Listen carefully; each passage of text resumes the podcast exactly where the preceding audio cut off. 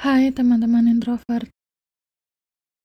Ini spesial podcast Valentine's Day untuk bahas cinta dan hubungan dari sudut pandang seorang introvert. Dengar setiap Sabtu selama bulan Februari ini ya. Selamat mendengarkan.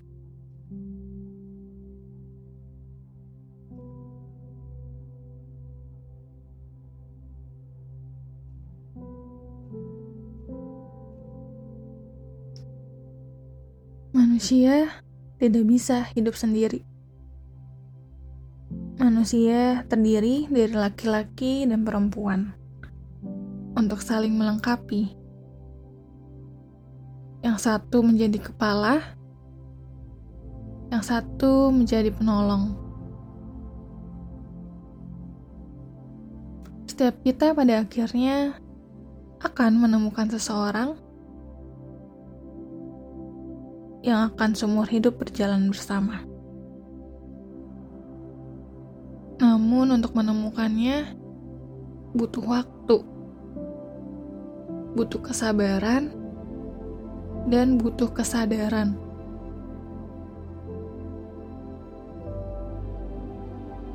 Di dunia ini begitu banyak manusia yang mungkin salah satu di antaranya adalah pasangan yang kamu cari. Namun tidak bisa sembarang orang dapat menjadi pasangan kamu.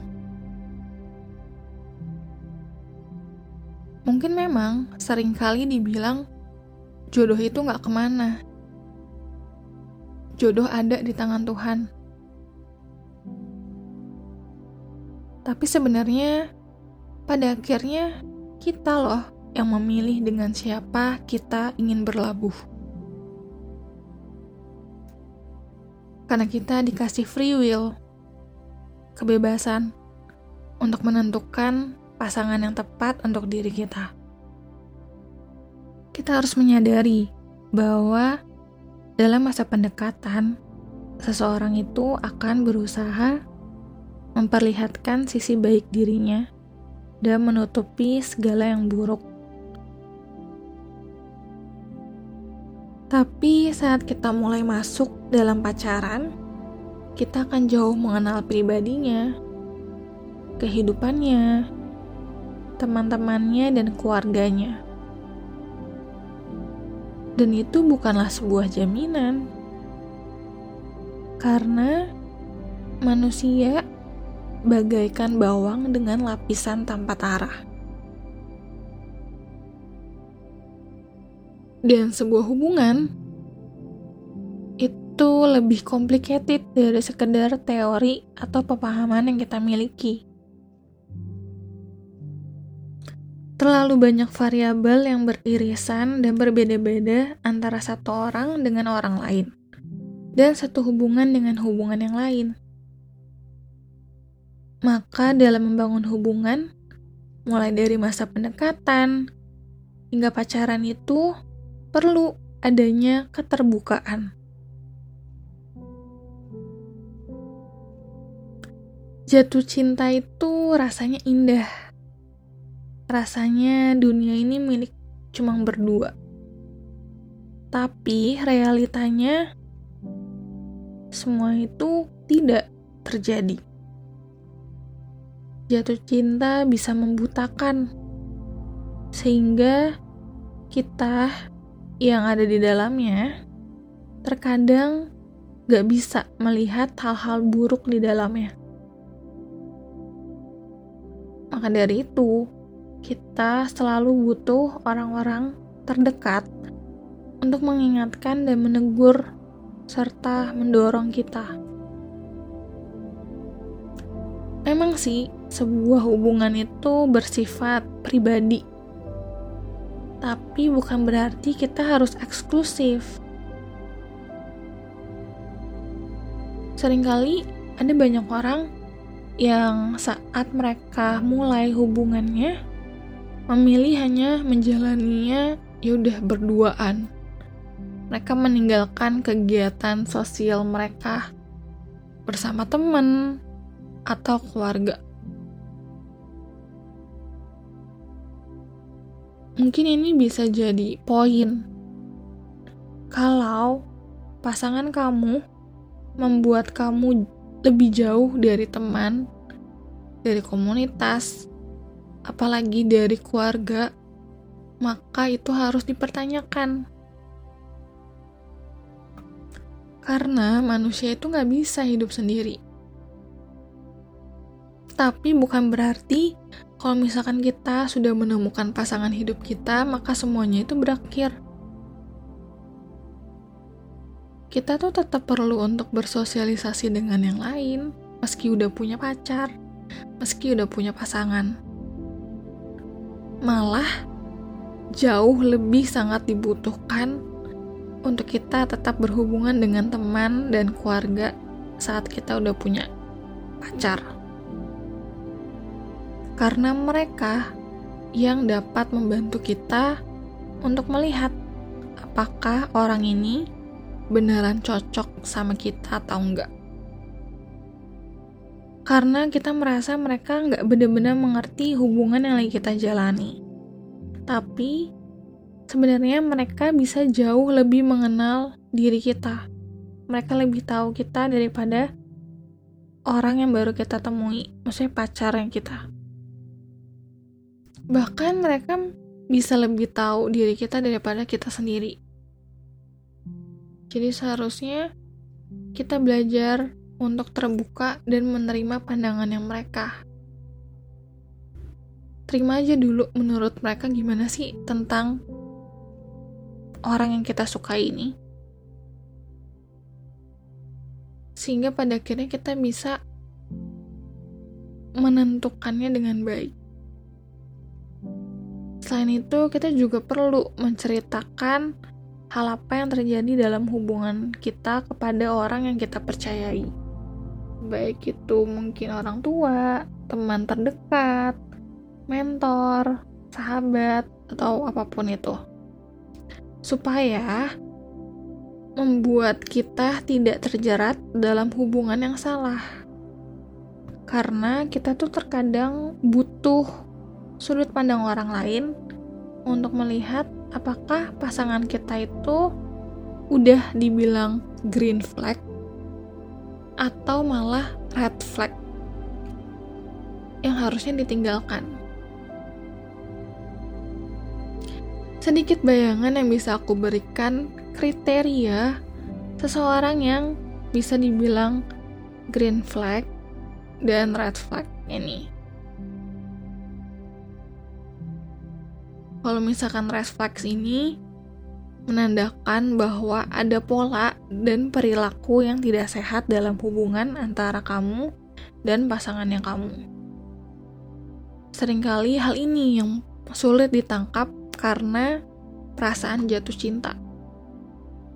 Beberapa perilaku seperti kasar, agresif, toksik, manipulatif, gaslighting itu adalah kriterianya. Oke, yang pertama, yang sering terjadi dalam hubungan atau pasangan yang gak baik ya, yang red flags, itu adalah dia sering berbohong. Jadi pasangannya tuh gak jujur. Orang yang gak jujur udah pasti orang yang gak baik. Tidak ada hubungan yang berjalan dengan kuat jika didasari dengan kebohongan. Yang kedua, perasaan cemburu yang mengarah pada perilaku yang berlebihan. Jadinya pengontrol gitu. Cemburu itu baik, teman-teman. Tapi jangan berlebihan. Segala sesuatu yang berlebihan itu salah. Kalau misalkan cemburunya udah lebih, itu bakal menghancurkan hubungan. Dia akan jauh mengontrol hubungan kehidupan sosial. Nggak boleh berteman sama siapa, mengurangi komunitas dan segala macamnya. Itu nggak baik. Yang ketiga, kurang berkomunikasi yang terbuka. Pasangan yang gak baik itu adalah pasangan yang sering kali menghindari diskusi yang serius. Mereka suka kabur kalau misalnya ada masalah, bisa mengabaikan kita berhari-hari.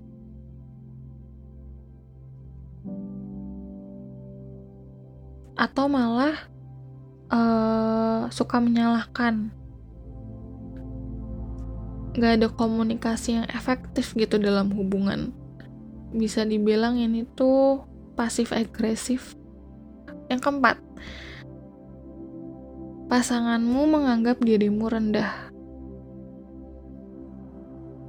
Dia suka mengkritik, suka merendahkan dengan cara halus, yang bisa dibilang emotional abuse.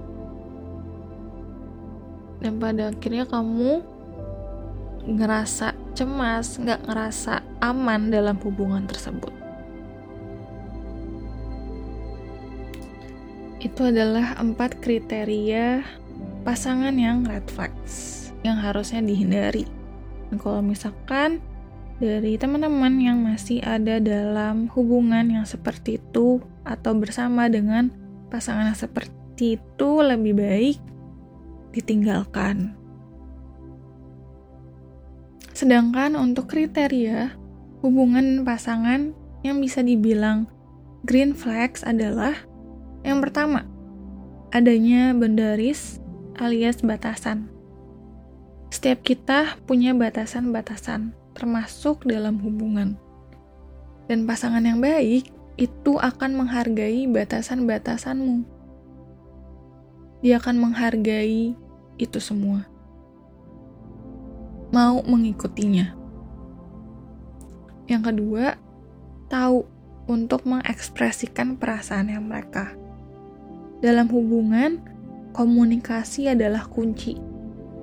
Maka penting untuk punya pasangan yang mau berusaha untuk mengekspresikan apa yang dirasakannya dengan cara yang sehat. Dan ingat, komunikasi yang baik itu gak cuma ngomong doang, tapi mau mendengarkan supaya gak mudah saling menyalahkan. Yang ketiga, pasanganmu akan menganggap kamu sebagai partner dan timnya. Hubungan yang baik itu adalah saat kita saling bekerja sama, saling mendukung.